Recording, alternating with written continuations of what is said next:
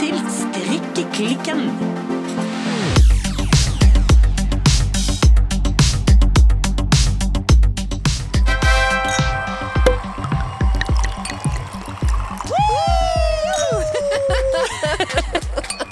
Såpass!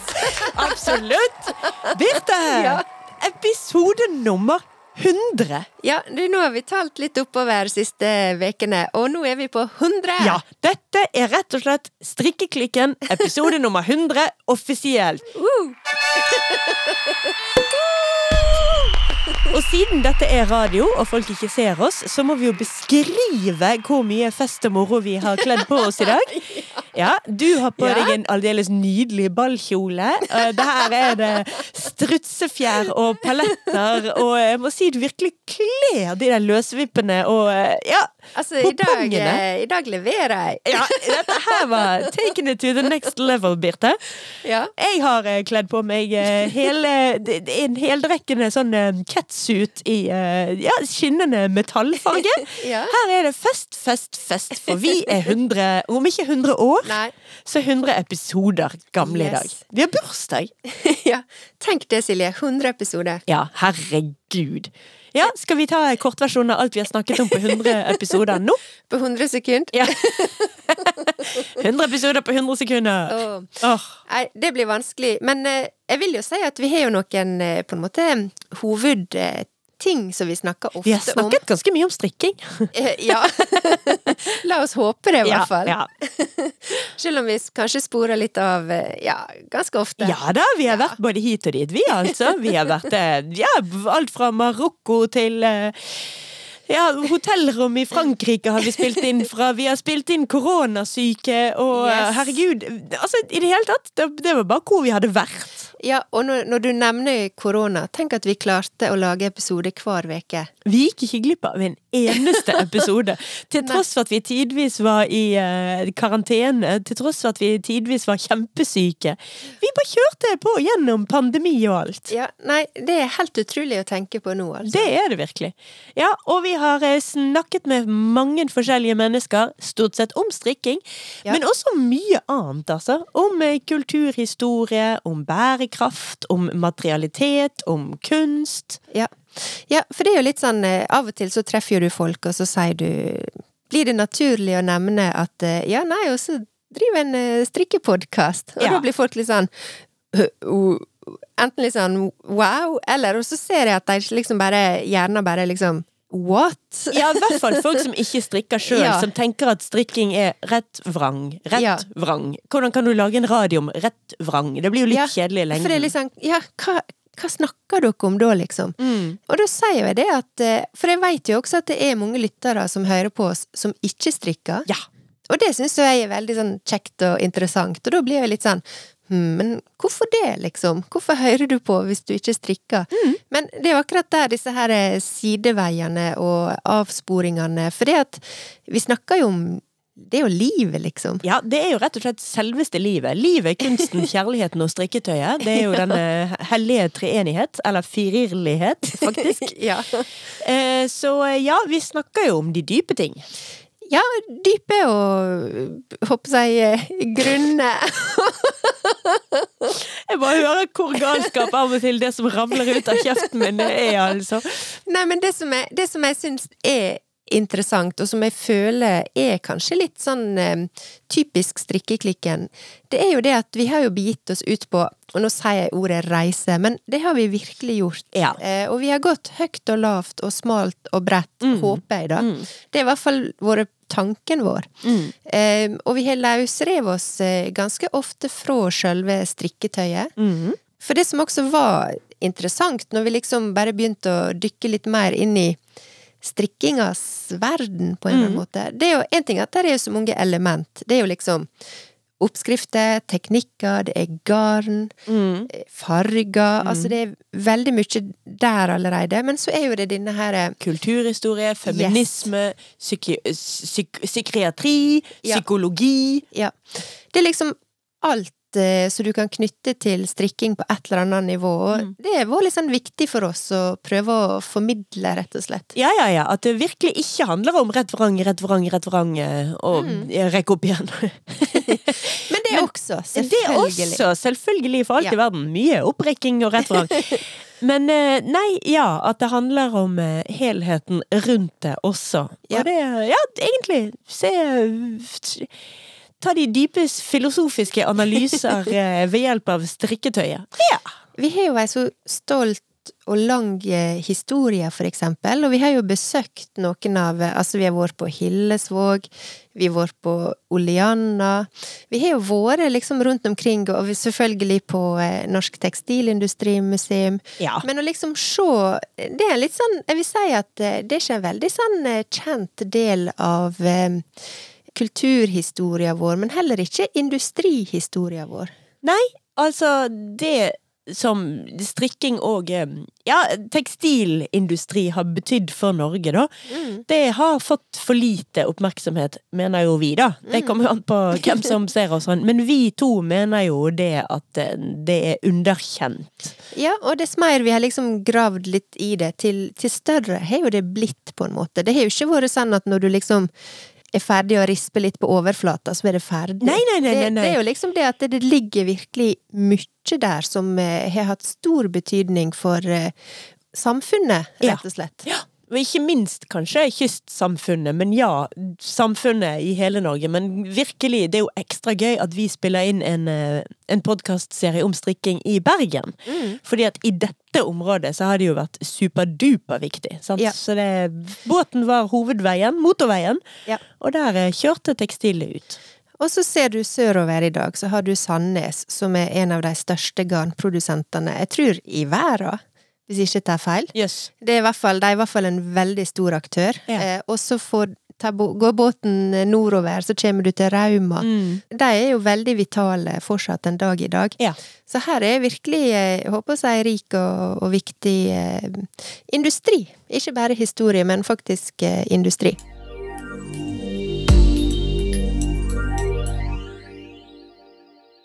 Men til tross for at dette er episode nummer 100, og vi har lov til å jeg, kaste manus og uh, gjøre ting litt på en annen måte Ja, tyte litt. Tyte litt, ja. Ja. Så må vi holde oss litt til vårt, eh, vårt, vårt oppleste og fastsatte skjema. Vi må Ja. følge strikkeoppskriften. Følge formatet. Ja. Ja. Så Birte, Ja.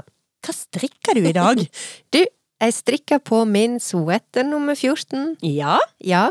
Eh, jeg sa det sist gang at eh, det var ikke mange centimeterne igjen før jeg kunne begynne på motorveien, aka Bolen. Bolen, ja. Men jeg kom dit. Nei? Nei. Nei. Det var litt flere centimeter enn jeg trodde, for jeg plutselig måtte jeg kikke i oppskrifta. Ja, hvor mye skal jeg strikke fram og tilbake her, før jeg kunne liksom koble meg på rundt, og så strikke rundt og rundt. Ja. Det var litt mer enn jeg trodde, og så skal det sies at det har vært litt lat med strikkinga de siste to ukene. Okay. Så det er godt framover. Jeg håper jo at jeg i løpet av påska skal eh, komme meg både til Bolen og et godt stykke nedover. To the bool and beyond. To the bool and beyond. Yes. Rett og slett. Og dette strikker jeg i én tråd alpakka to Ja. fra um, Det er vel fra Isaga, ikke det? Yes. Yes, yes. Der uh, fikk jeg en liten sånn um, Brain fart. Yes, rett og slett. Og så strikka jeg i to tråder, og det er mohair Lux fra Lang. Mm. Jeg mener det er det den heter. I eh, variasjoner eh, av grå. Ja. Ja. Men da er det med trippeltråd, da, rett og slett? ja. Og det, sånn er oppskrifta også.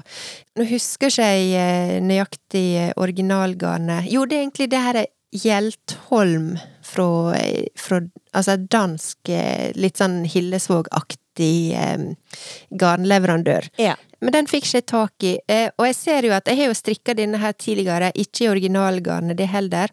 Men denne varianten blir veldig mye mer fluffy. Ja. Mye mer eh, pusete. Og jeg må også si at jeg må skryte litt av det her, eh, denne her lang moheren, for den røyter veldig lite. Oh, så. Selv om den er så fluffy, rett og slett. Fluffy, Så- men fast i fisken likevel. ja, Eller henger i hvert fall sammen. ja, den henger sammen, og det overrasker meg. Det er én ting som jeg har tenkt på, da, fordi at eh, den er veldig mjuk og lett, denne hittil, dette Mhm. strikketøyet. Så det jeg er litt sånn spent på, er jo når den er ferdig, om den liksom vil henge fint. Om det er nok tyngde i, i den til å liksom henge fint. Det, og det høres ut som når du strikker med tre tråder, at det blir veldig sånn tungt og tjukt og voldsomt. Men, ja, men eh, ikke når du beskriver at de tre trådene er To av de er tynn mohair, og en av de er tynn eh, alpakka. ja, Da er ikke det Vi er ikke på tunge materialer her, nei. Nei da, det er ikke det. Men jeg, jeg er veldig spent på om den liksom vil henge fint. Eh, For det er litt sånn viktig for meg. Den er jo litt sånn løs og avslappa i fasongen. Så jeg, jeg håper liksom at den ikke bare liksom klenger seg til kroppen. For det, det, det takler ikke jeg. Nei, nei da, det, det går gærent for deg, ja. Men, Men jeg eh, tenker ja. på at det kan jo være litt Fordi at det forrige du strikket, var jo denne cardigan nummer åtte. Åtte, ja. Ja. Og den, den er jo strikket i um Den er også i isager. Det er denne her eh, Aran Tweed. Ja. Ja. Den er i aran tweed. Sånn var det, ja. Fordi at den er jo veldig, veldig, veldig tung. Den er ganske sånn heavy og tung, ja. Så jeg bare tenkte at det kan jo være at du nå oppfatter denne nye som veldig lett. Fordi Ja. du har akkurat liksom kontrasten i fingrene, hvis du forstår hva jeg mener. Ja, jeg forstår hva du mener. Samtidig så tror jeg at denne genseren, eh, den vil ikke liksom henge voldsomt på skuldrene. Nei. Men eh, nei, vi får se. Jeg, veldig, eh, jeg gleder meg veldig til å på en måte komme videre, og dette er en genser som jeg veit jeg vil bruke mye, og som jeg gleder meg til å få ferdig. Men det blir nok ikke, blir nok ikke ferdig i løpet av liksom påska, for å si det sånn.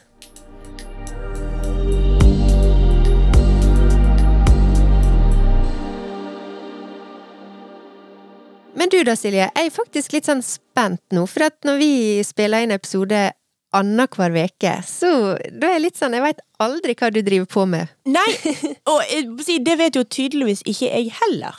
Nei. Fordi at både når jeg satt og redigerte forrige episode, og når jeg skulle legge ut eh, post om det på sosiale medier, så har jo jeg konsekvent kalt det strikkearbeidet jeg holder på med, med feil navn. Oi, Ja, ok. for jeg har, og kanskje ikke konsekvent men i hvert fall flere ganger har jeg eh, sagt at jeg strikker på en Louisiana-genser. Og det Ja. gjør jeg jo ikke, Nei. for det er en Louvre-genser. Ja, det er Louvre. Det Ja. stemmer. Du roter litt. Ro, altså, Louisiana er jo et kunstnersenter utenfor eh, København, Ja. og eh, Louvre er et kunstnersenter utenfor Paris. Det er helt sant. Og jeg tror ikke det er helt håper jeg, si tilfeldig. Nei, hun har nok kalt de opp etter det. Jeg tviler på at Louisiana-genseren er kalt opp etter staten Louisiana i uh, Uniten, liksom. Jeg Nei. tror nok det er kunstsenteret. Det tror jeg, for jeg tror også hun har laga en genser som heter Eller en kjole som heter Aros. Som er jo fra Århus, eh, museet Ja, Ja, kunstmuseet der er også et kunstmuseum, ja. Um, så ja, og vi snakker jo da av eh, Petit Nytt. Det er det vi gjør. Men Ja. da, for å gjøre det helt tydelig, så Ja. snakker Og jeg kommer sikkert til å si feil i løpet av denne episoden også, men når jeg sier Når jeg snakker om strikkearbeidet mitt nå, så mener jeg altså Louvre-genseren. Yes. Skal jeg si det en gang til? Louvre-genseren. Louvre. Skal jeg se om jeg klarer å huske det nå. Ja. Den skulle jo jeg strikke i eh, to farger med håndfarget garn fra Le Bien Aimé. ja.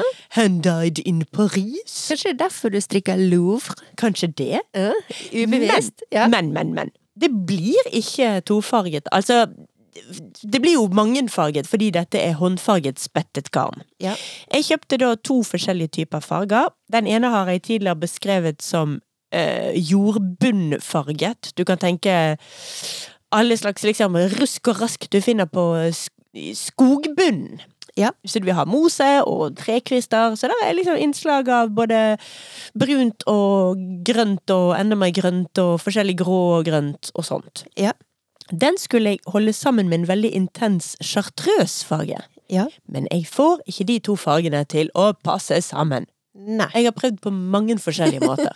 De bare eh, strikker, og jeg bare nei, dette blir ikke fint, jeg rekker opp igjen. Strikker, nope, ikke sånn heller, rekker opp igjen. Nei. Så, det chartreusfargete garnet må vente. Det er mulig jeg strikker meg en uh, Louvre-genser til, eller noe sånt. Eller en annen type genser, men i det andre garnet, da, for det er en nydelig farge. Ja. Men aleine. Så nå er jeg ferdig med motorveibolen, og jeg Oi. er nesten ferdig med det ene ermet. Jeg har strikket ned til omtrent der jeg ville binde på bråtet, men da bare la jeg den over på en eh, Hva skal vi kalle det da? Ventepinne? Er det det vi kan kalle det? Ja. Ja, hjelpepinne. Og så begynte jeg å strikke på den andre ermet. Det som er bitte litt dumt, og kanskje blir et problem, så kanskje gjør at jeg må rekke opp begge eh, ermene igjen, Ja. det er at eh, Altså, den er jo strikket ovenifra og ned, og da med raglanøkninger. Mm. Så da vil jo si at man da setter ermene omtrent altså Der som du har liksom under Der som du putter deodoranten. Ja. Så setter du de på eh, hjelpepinne, og så strikker du bolen ned. Ja. Så idet jeg var ferdig med bolen, så hadde jeg brukt opp én bunt med håndfarget garn. Mhm. Så da begynte jeg på neste bunt og strikket meg nedover ermene. Men dette er jo håndfarget garn, så den er en del annerledes. ja, så da får du skille, på en måte. Jeg får skille, men jeg får helt likt skille på høyre og venstre erme. Mm. Så jeg må rett og slett bare strikke meg litt lenger på det andre ermet også. Holde den opp ordentlig i lyset, og se om Er dette egentlig faktisk bare en fordel? Er det en blessing in disguise? Mm. Eller er dette et problem? Ja. Og hvis det er et problem, så er jeg faktisk ikke helt sikker på hvordan jeg skal løse det engang. For jeg har ikke mer av den Da må jeg jo rekke opp hele bolen også. ja, sant. Det hvis eneste som er Jeg har enda en bunt igjen som jeg ikke har begynt på. Kanskje den er likere det første bunten med håndfarget garn. Ja. Så det er litt, eh, det er litt avgjørelser å ta her. Ja, det skjønner jeg. Eh, altså, sanne variasjoner kan jo en forvente når det er håndfarga garn, men det var jo liksom at det skulle liksom passe akkurat sånn. At Ja. du liksom ville få det skillet liksom med armene. Ja, sånn at det, det, I det minste er det i hvert fall symmetrisk skille. Da. Jeg syns Ja. det er positivt. Ellers hadde, det, ellers hadde det ikke vært noen tvil om at jeg måtte gjøre noe med det. ja. Men nå kan det være at det liksom Ok.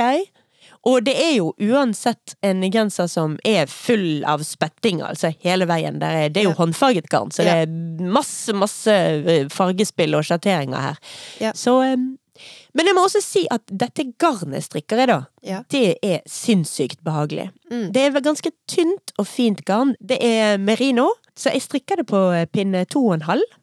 Ja. Så det blir en veldig ja, en vårgenser. Dette er ikke den der eh, tjukke, tunge genseren du tar på deg eh, når du fryser deg i hjel. Nei, for jeg syns jo også det høres ut som du får veldig mye ut av garnet, på en måte. Jeg fatter ikke hele bolet og alt på én bunt. Ja. Det, det, det, Jeg får kjempemye ut av det. Ja. Det er ikke, virkelig rart. Det går ikke tom for garn i det hele tatt. Så det Jeg kommer til å sitte igjen med et stort restelager på garn eh, fra denne genseren her, altså. Ja, jeg skjønner. Men hva syns du om eh, selve oppskrifta, da? Altså Louvre. Er den eh, Virker det bra? Oppskrifta, håper jeg, er intuitiv og Veldig. god? Ja. Det her er superenkelt. Det er ja, rett og slett en ekstremt enkel oppskrift. Ja, for jeg syns den genseren Den ser så fin ut i fasongen. Mm. Liksom helt sånn perfekt sånn Ja, sånn, sånn som jeg liker. Liksom perfekt sånn avslappa, men samtidig litt opp i halsen og Mm. Jeg syns den ser kjempefin ut. Ja, nei, det, jeg gleder meg til å jeg, bli helt ferdig med dette, og gi hele prosjektet terningkast og sånn. Ja, det blir gøy.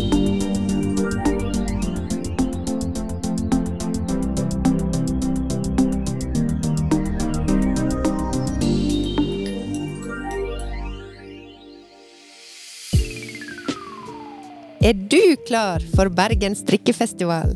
Bergen strikkefestival er en del av Ulveka og går av stabel 29. september til 1. oktober i unike omgivelser på Tekstilindustrimuseet i Salhus. På programmet står dyktige og spennende designere som Lerke Bagger, Maja Karlsson, Ingunn Birkeland og mange flere. Bergen strikkefestival er stedet for ny kunnskap, inspirasjon og felles strikkeglede, der du kan være med på workshops, foredrag og samtaler. Der er også et stort strikkemarked med det meste en strikker kan ønske seg.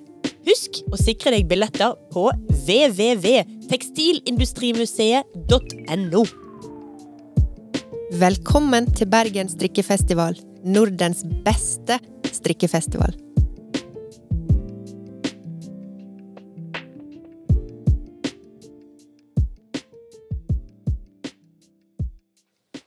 Men Birte, Ja, det er påske! ja altså når denne episoden kommer ut, da er, vi, da er det påskeferie. Da er vi godt i gang. Da er, vi, da er det påske på ordentlig. Når Yes. vi nå spiller inn denne episoden, så er det snart påske. Ja. For vi må spille inn litt på forhånd. Ja, vi må det. Ja, for en av oss skal til fjells. Ja, og en annen av oss eh, skal eh, til byen. Ja, Bli- Blir i byen, må du vel si da. Nei, jeg skal reise til eh, Jeg skal til Oslo. Ja! Ja, la meg håper jeg hele familien. Og det gjorde vi for eh, ja, det er noen år siden, da. Da hadde vi sånn det vi kalte Eller det som ble den store museumspåska. Ja. For da var vi liksom eh, rundt omkring. eh, Astrup Fearnley, Kon-Tiki-museet, Fram-museet, Mm. Henny Onstad. Vi var liksom rundt omkring. Og så nevnte jeg for en eh, kompis at eh, ja, nei, vi skal en tur til eh, Oslo i påska. Så han var litt sånn ah, bypåske? Og jeg bare øh, Is there anything else? Jeg tenkte ikke over at det var bypåske. Jeg tenkte bare «Å, påskeferie. Ja. Men ja.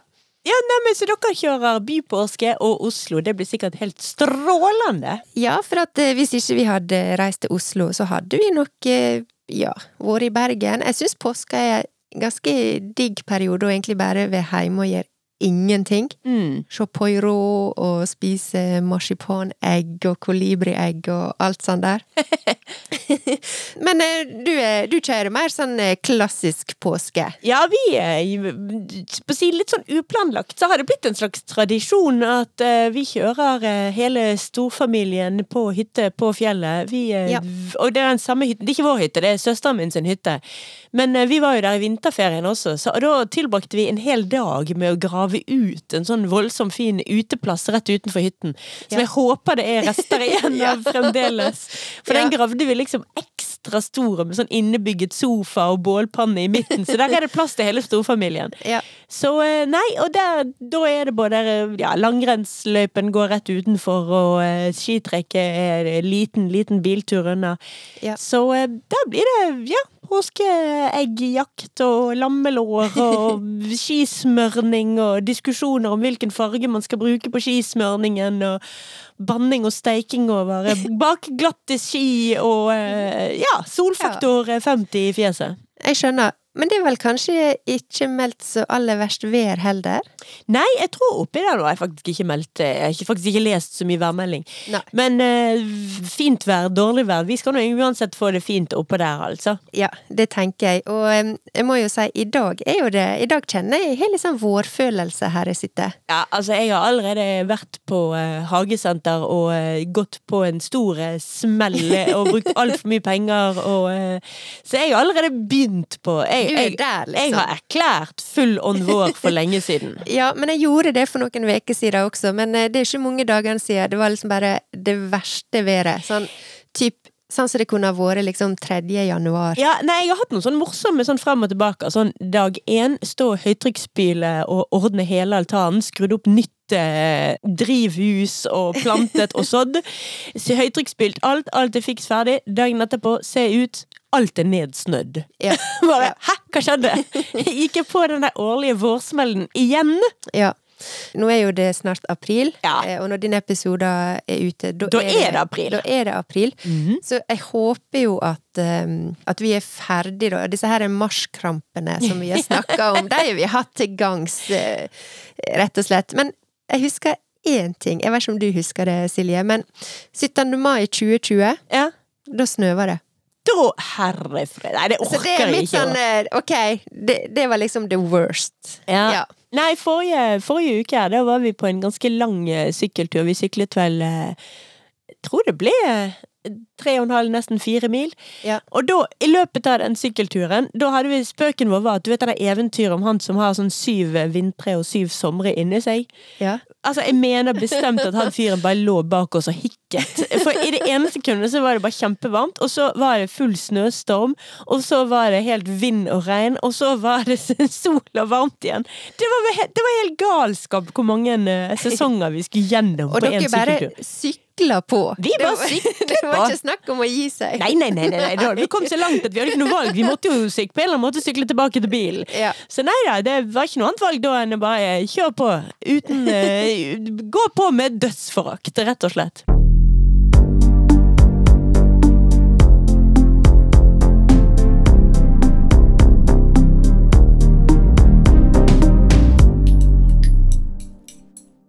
Men det vi jo også kan snakke om i forhold til påske, det er jo selvfølgelig både hva man eh, skal strikke i påsken, Ja. men også kanskje hva man skal lese. Ja, du veit, eh, mitt liv eh, er jo ingenting verdt hvis ikke jeg har en TV-serie å se på. Så jeg kan Jeg har en anbefaling på det. Du har, har TV, TV-titting-anbefaling, ikke Ja. bokanbefaling? Nei. Hva du vil anbefale av eh, TV-titting? Du, jeg har sett en serie, og jeg veit at du har sett den også. og Ja. Derfor er det litt gøy. Eh, det er rett og slett den, jeg vil si, briljante serien Fleischmann is in trouble. Ja. Altså, vi er i eh, New York, Mhm. og vi følger da Det er litt sånn Det tar litt tid før du liksom skjønner kanskje litt hva som skjer, eller hva som har skjedd. Mhm. Det er liksom en historie som på en måte får utfolde seg via da en eh, hovedkarakter som er Dr. Toby Fleischmann. ja. Ja. Og det er jo spilt av han eh, Hva heter han? Han, det er spilt av eh, Jesse Eisenberg. Ja, han, ja. Og så det, har han skilt seg fra kona si Rachel, Ja. og som er spilt av Claire Danes. ja. Ja. Så vi er jo på, allerede på A-list-gamet på skuespillere her. Yes. Det som jeg syns Jeg veit ikke, jeg liker serier fra New York. Jeg merker at da er jeg liksom bare med med en gang. Okay. Eh, og han her er Toby Fleischmann. Han spiller jo en litt sånn Han er jo en litt sånn lettere nevrotisk eh, type. Mm. Noe som også alltid gjør at eh, Håper jeg nevrotisk mann, ekskone, New York Det gjør alltid at jeg får litt sånn Woody Allen-vibes på det. Ja, og da er den store forskjellen at det er sånne viber som gjør deg glad, og som får, gi meg sånne litt sånn oppkast i munnen-viber. ja. Um, også, men her er det ei historie som eh, utfolder seg, og jeg veit ikke, jeg syns bare den var utrolig bra. Det er selvfølgelig bra skuespill, eh, men også historier gjennom TV-serien. Det er også karakterene. Han eh, Toby han har også noen venner rundt seg, som du merker de har vært venner lenge. Mm. Og jeg syns også det er veldig sånn fint og rørende også å se hvordan de agerer eller eh, interagerer sammen. Eh, og liksom deres sin relasjon, både fra gammelt av, men også i nåtid. Mm. Eh, det syns jeg var veldig sånn Og så er det noe med De de er et par år yngre enn oss, men de er liksom litt på vår alder. Så der er også en del sånn generasjonsting som, er, som kanskje er litt sånn spesielt eh, for oss, eller som gjør at vi kjenner oss også igjen i det. Men det som jeg liksom Jeg har tenkt veldig mye på hvorfor jeg likte denne serien så godt, og jeg tror det handler veldig mye om at han her, Dr. Toby Fleischmann, han er liksom Han, han er hovedkarakteren, men tradisjonelt sett så skulle han vært kona, Mm. mens det som kona gjør, Rachel, det ville vanligvis vært liksom mannekarakteren. Mm. Så jeg liker veldig godt at det er snudd opp ned på hodet, og det gjør også at du får litt sånn ja, litt sånn andre forventninger, eller jeg merker det sjøl, litt sånn bevisst og ubevisst, så liksom skapte det en eller annen dynamikk også gjennom historier, da. Mm. I tillegg så er jo det Det er ei solid historie. Og når jeg på en måte sendte tekstmelding eh, til deg, Silje, og var litt sånn Ok, her er en serie du må se. Mm. Eh, Det var vi når vi kom til eh, episoder som heter Wanta Black. Ja! For det har jo jeg snakket om her på Strikkeklikken tidligere. Yes. Altså om Vantablack. Verdens svarteste svart. Ja. Og det får du på sitt vis eh, illustrert eh, i den eh, episoden også. Ja, da fikk du det litt mer, håndfast. Da får du faktisk se Vantablekk, ikke bare Ja. høre Vantablack eh, beskrevet via podkast. Ja. Men i alle fall, hvis du som meg liker å tilbringe litt tid foran TV-skjermen, men det skal være kvalitet, vil jeg påstå, så sjekk ut Fleischmann is in trouble, som du kan strømme på eh, Disney pluss. Ja.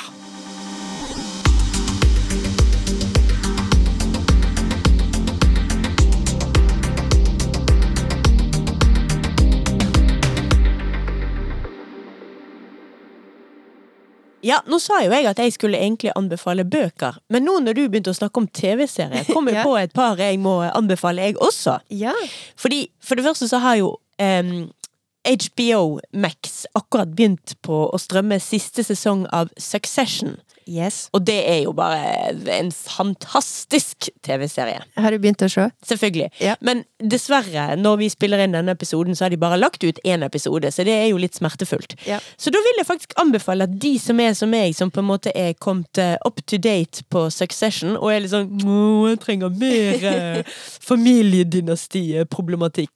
Ja. Da anbefaler jeg faktisk den helt sanne dokumentarserien som også ligger på HBO, House of Hammer. Ja. Som begynner med skandalen til skuespilleren Army Hammer. Eh, Men som da eh, tar det videre i generasjonsleddene før han også. Da kan jeg jo røpe at vi snakker om eh, mange milliardærer og eh, kannibalisme og drap og overgrep og rusmisbruk. Altså i det hele tatt, det er altså så koselig påskelektyre. Ja, å og det er sant. Du har alltid sånne koselige anbefalinger. Koselig! Come on! Ja. Ja. Og siden jeg da først har begynt på liksom det koselige sporet, Ja. så tenkte jeg også ta noe sånn ja, koselektyre når det gjelder bøker. Ja. Em, nå skal det sies at akkurat når det gjelder bøker nå, så har jeg falt inn i et veldig sånn eh, fagbokhull. Så de siste månedene har gått med til eh, ja, Memorials eh, Matter og uh, Memorial Mania og uh, ja, veldig mye minnesmerkelitteratur. Ja. Så det anbefaler jeg for så vidt ikke. det er litt tørt og litt kjedelig, men også fryktelig interessant. Men kanskje ikke som eh, kosebok i påsken. Men hvis man er litt eh, si, interessert i å ikke bare lese tull og tøys og krim og fanteri, så anbefaler jeg faktisk å bruke påsken til å forstå mer av bakgrunnen for alt som skjer i både Ukraina og kanskje også Moldovia, og ikke minst denne her utbryterrepublikken Transnistria. Mm. Og, og for å gjøre det veldig sånn eh, på fagboknivå, da, så vil jeg absolutt anbefale Rød sult, Stalins krig mot Ukraina, av Ann Applebaum. Ja. Jeg har eh, hørt den som lydbok, da jeg leste inn av eh, Anders Ribu. Den tar for seg dette her eh, holodomor, altså den villete hungersnød Den planlagte hungersnøden som Ukraina var utsatt for. Mm. Og for å forstå mer av Transnistria og eh, Monrovia og Moldovia og de områdene her, så anbefaler jeg en skjønnlitterær bok av eh, Nikolai Lilin som heter um, Siberian Education. Jeg har kun lest den på engelsk. Jeg tror nok ganske sikkert at den finnes på norsk. Den er sinnssykt eh, velskrevet, spennende, morsom på et slags vis. Ja. Eh, Det handler mye om en eh, ja, både litt småkriminell og litt, etter hvert litt større kriminell eh, dude fra da, denne lille Transnistria. Jeg hadde aldri hørt om denne lille stripen med landet før jeg Nei. leste den boken. Det var litt av et navn. Ja. Ja, altså det er en liten del av Moldovia, som altså er Europas sitt fattigste land, som Ja. De vil vel egentlig Noen av de vil være helt sin egen stat, men noen av de vil heller være en del av Russland. Så det er mye konflikt og terror og mye Ja, det er mye sjølbestemmelse også. Det er mye lovløshet. Mye uro, høres Ja, det ut som. Og, Ja. Men også mye sånn herre ja, ren mafiavirksomhet, altså. Det, den lokale sheriffen er den som har klart å bare karre til seg makten. Ja. Og dette her eh, den mafiavirksomheten kommer også da inn i fengslene, i fengselssystemet. Så han hovedpersonen her, han gjør seg da eh, stor i fengselssystemet ved å bli den som tatoverer i fengslene. Og da tatoverer disse veldig spesielle russiske tatoveringene, som er veldig sånn symboltunge. Nå skal ikke jeg dra fra hukommelsen hva de forskjellige tingene betyr, men har du eh, striper på skuldrene, så er du oberst av sånn og sånn, har du stjerner under øyet, har du tår, antall tårer, har du kors midt på ryggen, har du stjerner på knærne, alt dette betyr ting som for eksempel er du tyster, har du drept noen, har du, hva har du gjort for noe, hva er det du sitter inne for, hva er Ja.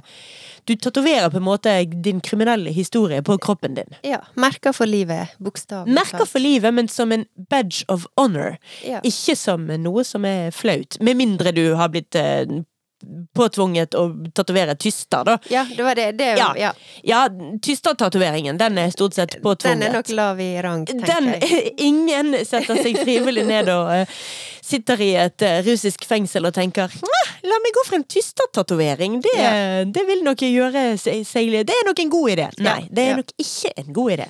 Men en tilsvarende dårlig idé er faktisk å ta en sånn um, høytflyvende mafioso-boss-tatovering, hvis du ikke er den bossen. Ja. Da får du akkurat like mye jul.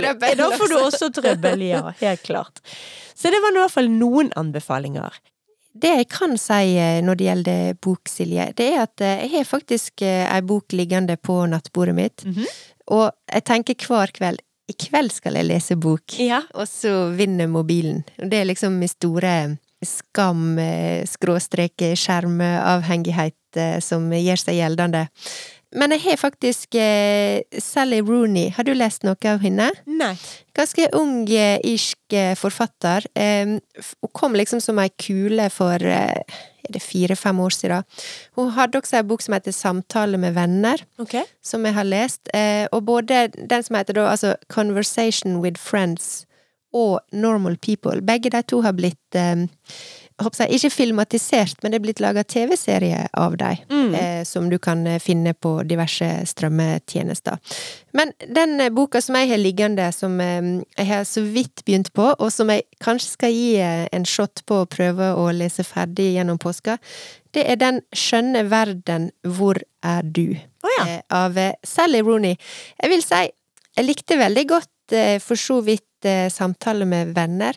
På en eller annen måte så minte den meg litt om Edens hage av Ernest Hemingway, Mhm. som er en bok som jeg har lest veldig mange ganger, og som jeg liker veldig godt. Der er et eller annet med de assosiasjonene og liksom det den verden eh, du kommer inn i, som bare Du bare kjenner det på kroppen på en eller annen måte. Mm. Men i hvert fall, eh, Sally Rooney er jo liksom ung kvinne av sin generasjon. Kanskje litt sånn vel eh, og indie for min smak av og til. Kan virke litt sånn påtatt, kanskje, og da snakker jeg om karakterene i bøkene hennes, da. Mm. Men i hvert fall, Sally Rooney, 'Skjønne verden, hvor er du?' Den skal jeg prøve å få lest ferdig i påska.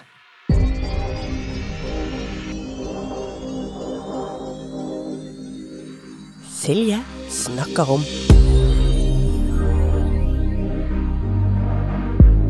Farger.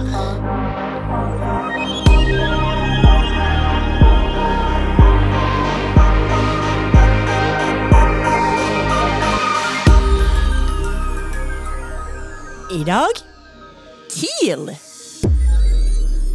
Ja, men Silje, Ja, det var nå et litt sånt eh, halveksotisk navn på en farge. Ja, og jeg vet ikke engang hvordan det uttales på norsk, for jeg sier jo teal med litt sånn American accent. Ja, for det heter, Teal! for det heter TIL på norsk også.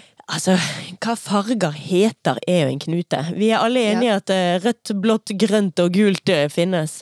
Ja, Men det det. finnes ting som prøyssisk blå og uh, vermelon og eh, hva er egentlig TIL, og hva er Altså hva er alle de andre fargene, da? Jotun har ett fargesystem. De, de, alle har forskjellige fargenavn. Ja, men hvis du sier TIL i Norge og teal i England, så er det liksom samme fargen. Ja, altså, ja. Mm. Men man kan også kalle den for uh, turkis. Ja. Men det er nok en litt sånn spesiell tone av turkis, da. Teal det er en sånn nydelig grønnblå farge. Du kan se for deg en slags sånn isbrevannfarge, sånn som man kan se på innsjøer i Norge, sånn som de kan få. Sånn som ja, Oldenvannet og Loenvatnet og alle disse her eh, innsjøene som får is... Smeltevann, heter det vel. Smeltevann, de kan få den der intense turkisfargen. Ja. Det er teal. Ja. Og liksom for å være helt sånn teknisk, da, hvis du skal blande fargen sjøl ut ifra basefarger, da består den altså av blått og grønt. Eller blått og bare litt grann gult, i og med at eh, grønt er jo blått og gult. Ja. og det er altså ikke noe rødt i denne fargen. Hvis du skal blande den sjøl ut fra maling, så vil jeg absolutt anbefale å pjåte en del hvitt i også, sånn at den ikke blir så sinnssykt mørk, og også sånn at den blir opak. Eh, og så kan jeg også si at for sånn datafargenerder eh, der ute ja, men eh, Vi er på smykker og sånn. Ja, Ja, men eh, du sier opak. ja opak. Det er det motsatte av transparent. Ja. Altså transparent betyr gjennomsiktig. Ja. Opak betyr eh, ugjennomsiktig. Ja. Jeg har ikke noe annet ord for det enn opak eller ugjennomsiktig. Ja. Er- Heldekkende, sier vi vel. Ja, Heldekkende. Ja, men da er jeg med. Ja, Sant? fordi at eh, en del farger, eh, malingstyper er, da, Hvis du tar en rein blå og blander med grønn eller gul, så vil den bli ganske gjennomsiktig. Mens hvis du da blander den med en del hvitt, så vil den bli mer heldekkende også. Eller opak, Eller eh, opak! fagspråket sier. Ja. Men eh, du begynte på smyk. Ja. Smyk, ja. Altså Ja. datafargenerder. Da eh, består eh, TIL av eh, 100% cyan, altså 100 maks mengde cyan, altså blå. Ja. Ingenting magenta, altså ingenting rødt. Nei. 50 i uh, yellow, så den skal stå på halvveis. Og ingenting i svart. Ja. Så da har du ganske Ja. Da kan man for så vidt i hvert fall kanskje Nerdene klarer å se for seg hva slags eh, farge vi ser for oss her. Ja. Teal den har fått eh, fargen fra fuglen som på norsk heter krikkande. Fordi at den heter på engelsk Eurasian teal. Denne her er anden her, det er den minste typen gressand som vi har i Norge. Og hannekrikkanden, den har to tealfargete striper på hver side av hodet. Ja. Og så oppå hodet, og faktisk under de tealfargete stripene, så har han sånn rød-oransje tone. Så dette her er en skikkelig vakker and, altså. Mm. Den anbefaler jeg folk å google. Jeg gjentar igjen. Krikk-ande. Kri med krik, krik, K-R-I-K. K-r-i-k-k. Krikk. Krikk. Ikke, yes. Krik-And, men krikk. Krik. Ja. Kanskje han sier krikk-krikk? Jeg har ikke peiling. Er, vi, vi trenger en fuglekjenner her ute som kan fortelle oss hvorfor eh, det heter krikk-and på norsk og eh, Eurasian teal på engelsk. Mm. Fun facts om teal. Ja. Og nå blir jeg eh, privat her, eller personlig, kanskje mer personlig enn privat. ja. Teal er faktisk mitt første minne. Oi. Ja, mitt aller første minne er en farge. Det er altså Min oldemor døde før jeg fylte to år. Men det er en sånn egen tone av TIL, en litt sånn mørk versjon av TIL, som jeg fullstendig forbinder med hun. Det er liksom, Gjennom hele barndommen min så jeg akkurat den ene fargesjatteringen, så er det sånn ding! Oldemor. Og det ble litt grann flaut når jeg som eh, litt mer voksen skjønte hvorfor. Ja.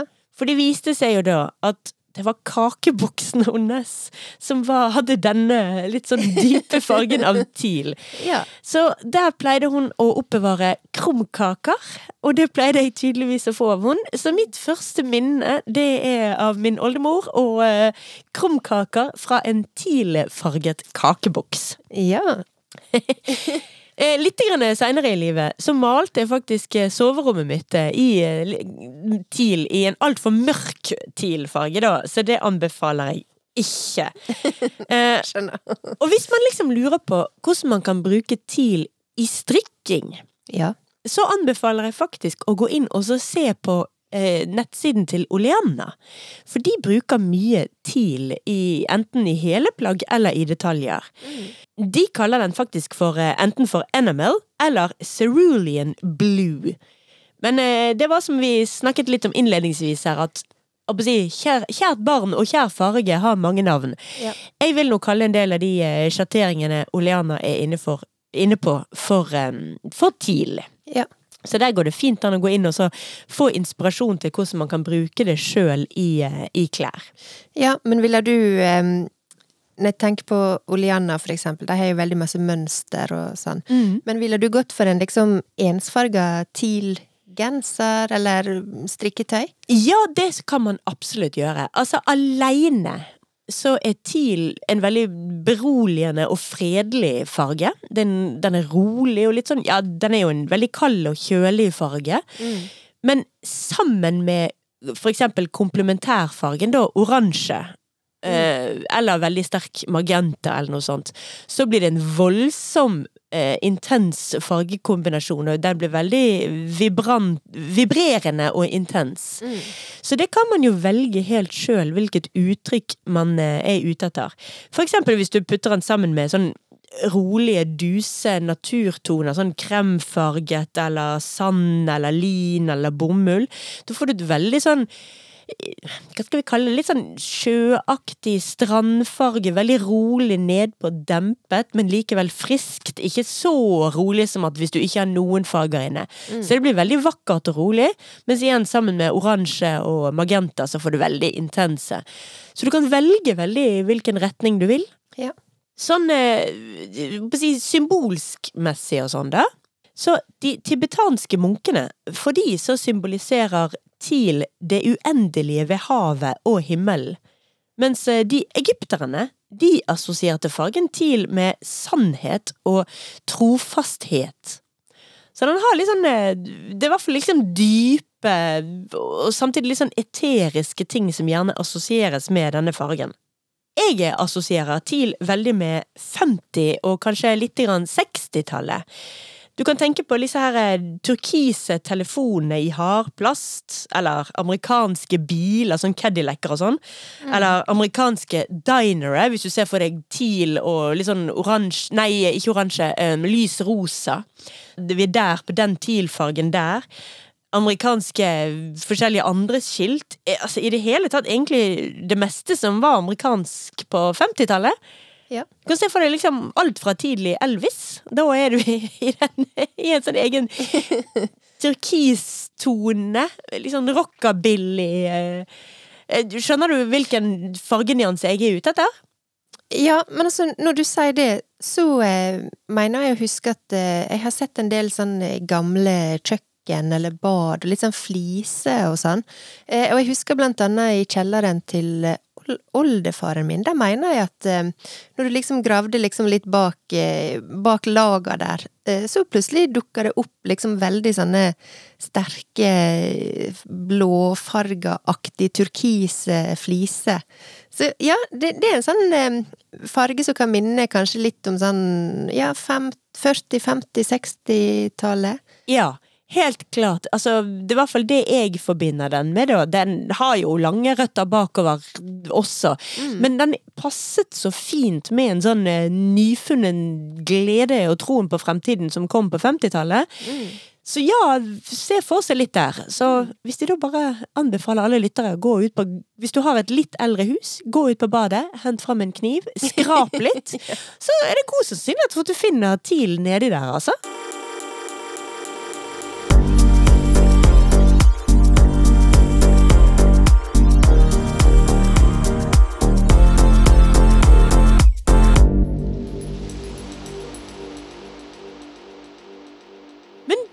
Birtemor, må vi faktisk runde av selveste episode nummer 100. Det må vi. Jeg elsker at du kaller meg Birtemor, Ja, forresten. det, det, det, det må til av og til. I alle fall nå, liksom, når vi nå er litt sånn, går inn i fridager og påskemodus og påskeegg og skal være kos og hygge. Og da er det liksom Birtemor og Det er liksom du og mormor som kaller meg det. Å, det, Ja! det syns jeg faktisk er veldig koselig. ja. Men da må vi ta en usannsynlig kjapp oppdatering. Vi Ja. har skrøtet mye av at dette er episode nummer 100. Det kan vi ikke gjenta nok. Nei, og det syns jeg Jeg synes er fortjent skryt. Helt enig. Vi klapper oss sjøl på skuldra for den. Vi har lært litt mer om fargen TIL. Yes. Vi har snakket om hva vi skal gjøre i påsken, og hva vi anbefaler at folk skal både se på og høre på. Ja, og så håper jeg at eh, folk eh, strikker masse. Absolutt. det. Det, er, det, ja, det ble kanskje litt lite tid til å snakke om hva vi skulle strikke i påsken. Ja, altså, mitt prosjekt er lagt ut foran meg. Det er sweater nummer 14. Ja, og jeg skal jo da altså strikke ikke Louisiana, men Louvre-genser. Og kommer jeg langt, så begynner jeg kanskje på en til genser i da det chartreuse-fargete garnet jeg da har til overs. Yes. Så det får vi rett og slett bare se på. Det blir spennende. Men da snakkes vi igjen etter påske. Det gjør vi. Vi ønsker alle sammen en riktig fin, fredelig og marsipanfylt påske. Vi høres igjen om to uker. Yes. Ha det på badet! Ha det.